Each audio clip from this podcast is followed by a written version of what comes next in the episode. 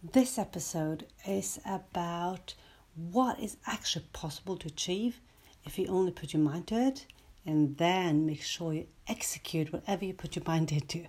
My name is Young Hanshakvea and I'm all about your business online and the life in between. Now I think I'm almost getting obsessed with the you know the concept of planning and then executing whatever that plan is. Now that hasn't always been that way. I, that way, I promise you, and I'll get back to this. But um, I'm just sitting here, and right now when, when I'm recording this, it's quite late at night, and I've just been part of a launching of a brand new online magazine, Wisdom from North magazine, with the lovely Yannick Eines.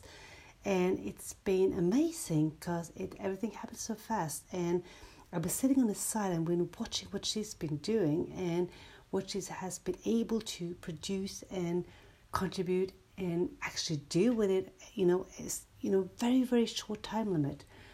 And what I kind of reflect back on is, like I said at the beginning, the concept of planning and then executing and then see what ha- is happening, because there's so much about you know following your dreams and then dream and visualize and there's so much about that. And if you, you if you go online and you can read stuff about it and people talk about it and the importance of setting you know goals that resonates with you and all that which is also extremely important.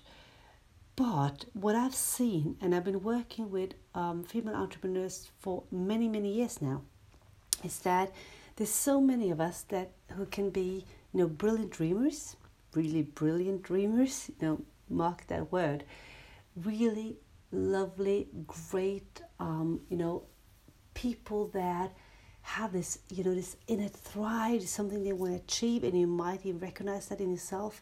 You know, this, this, there is this dream, this, this, you know, this, you have this vision in your head of what you want to create, and it's marvelous, marvelous, it's great, it's wonderful, it's beautiful, and it's something that the world needs. And then life sort of gets in between of that.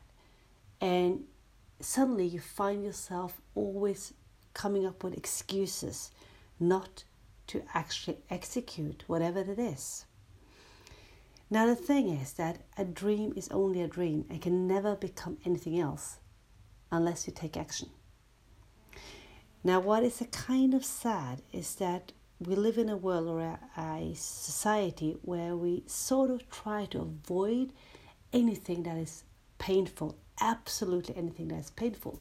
And you can see that even with children, you know, with homework and how we kind of like, oh yeah, we try to sort of, you know, make a place for them where homework won't be too hard because we sort of live in a society where anything where we have to, you know, strive and we have to work hard for something is seen as not negative, but almost that it can destroy us. And I think, honestly, it's a wrong direction to go towards. And I might talk about that later on. Because life isn't all about flying around and just being happy. Life is complex. It has all sorts of different parts of it. And part one part of it is things need sometimes to be a bit rough and hard and we need to be able to you know to kind of use our muscles to achieve whatever we want to. We can't just sit and dream. Now, what I mean by all that is that, and what I find personally, you know, really, really sad to be honest, is to watch, you know, wonderful people with, you know, the brilliant ideas and the most wonderful dreams, and to watch that they sort of they, they avoid or refuse to take the necessary actions and what's happening is that that dream becomes just a dream. And their frustration, you know, is so visible. And they very often end up sick and somehow. And I think when you when you're not able to, and um, maybe that's wrong phrase, but when you're not able to actually live your life the way it's supposed to be lived, you do get sick because something is missing. And then when that happens, we tend to find excuses in our surroundings, the reason for it, like, okay, I've been super stressed, it's too much, uh, and or whatever it is. While the truth might be that we didn't take the necessary actions when we had the opportunity. Now back to the launch that I just told you about, and you know when you see stuff on social media, when you see other people do stuff like like having a launch of a website or whatever it is, it looks simple, right? It looks super simple. You know, you see a site and say, yeah, yeah, great, and you know people who who are kind of um, you know showing it to you you know you you will see the bright side you always see the smile and the you know the, the cheerfulness and you know everything is kind of like happy and easy and joyful now what you don't see it is what has happened um, on the backside of this and what has happened all those weeks and months that led to that launch and that was not just dreaming you see, to be able to do or to achieve anything in life that you really want, not like, you know, not just easy things, but the things you really want, you have to put in the work. And that's hard. Because when you have to put in work, it means that you have to do stuff that might be something you don't really know how to do. You might have to put yourself, you know, far away, far out from your own comfort zone you might have to gain new knowledge that you have no idea how to do. You might have to work, you know, more hours or, you know, different time of the day. You might have to relate to different people in a way you haven't related related to them before. You might have to do a lot of things that is unfamiliar and that is hard and unknown in the beginning. But that's part of life, right? Sometimes I see this this concept of this idea you know, and I, I, in my head, I make this picture, you know, so you see, when we are born or a child is born into life, it is a tough ride. To be born is not easy. To be born is not, um, it's, it's not a pleasant thing. Actually, I think it's a pretty hard thing for the baby to be born. It's, it's a tough ride, you know, those hours. And it's tough for both mother and child. But you, you know, when you're born, it's a thrill it's an amazing feeling and it you know the baby will cry as soon as it's born and then it will just you know calm down and the mother will be just would filled with all this you know these hormones of joy and energy and you know all that you would never know what is until you experienced it but before you come there before you get to that point where you can hold your baby it's it, you know it's so hard. It really is. It's you know it's a situation you can't you can't explain to anyone unless you have experienced it yourself. But it's you know it's tough. It's seriously tough. And when we leave life unless you know your heart just stops. But if you're sick or you're old and you feel you come to a point where you have to leave life and leave this life that is hard as well that's why death is such a lonely journey, and that's why death is so hard for the people around you to watch because it's hard and it's painful. Now, that might be, you know, kind of like a silly thing to, com- you know, to compare those two major situations that we all have to face in life um, to what you're doing in business. But it's just to make some sort of a picture so you can, you can see it.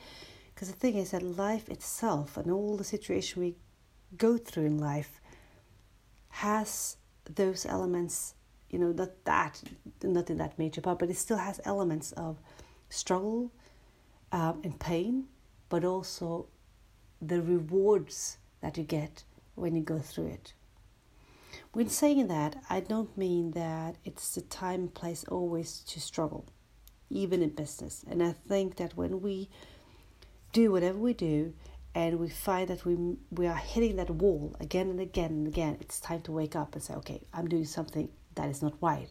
I have to do things a different way. Maybe i even have to quit whatever i do. You know it's not like i mean you should hit that wall until you pass out. That's not what i mean at all but what i do mean is that in order to achieve that reward that you kind of longing for you have to do the work. You have to figure out, okay, so what is it that I'm, you know, still putting on hold. I'm still waiting for someone to who can just magically fix this for me. And instead said, okay, I'm just gonna do it. You know, it probably will only take me a few hours. It's not it's not gonna take me a month. It's probably just gonna take me a few hours and I will put those hours in my calendar and I will make sure it's being done. And that's the experience I have now from this launch and watching what's going on on the back, the part that you haven't seen, and how much work's been put in. Work that has been hard, hours, you know, uh, frustration, Uh, the unknown, and then finally getting the reward when you can go out in the world and say, Hi, this is what I created, this is what I launched. And then you can do that joyful and with enthusiasm and with a big smile. But the work is done before that. So, you know, when you go around and you have this dream, one thing that I will highly recommend you to do is to use some time away from your computer, away from your phone. So it means, you know, no devices around you, maybe just a piece of paper and a pen. And then really ask yourself is this dream something that I thrive for? Is this dream something that I see that if I manage to accomplish it, it will mean the world to me? Or is it more like this would just be nice? Because if you have a dream or you think it's a dream, because you have a great idea and you probably have loads of great ideas, but if you ask yourself that question, you know, how important is this dream for me? and you find out, well, you know, it's a kind of a cool idea. It would be cool to do it.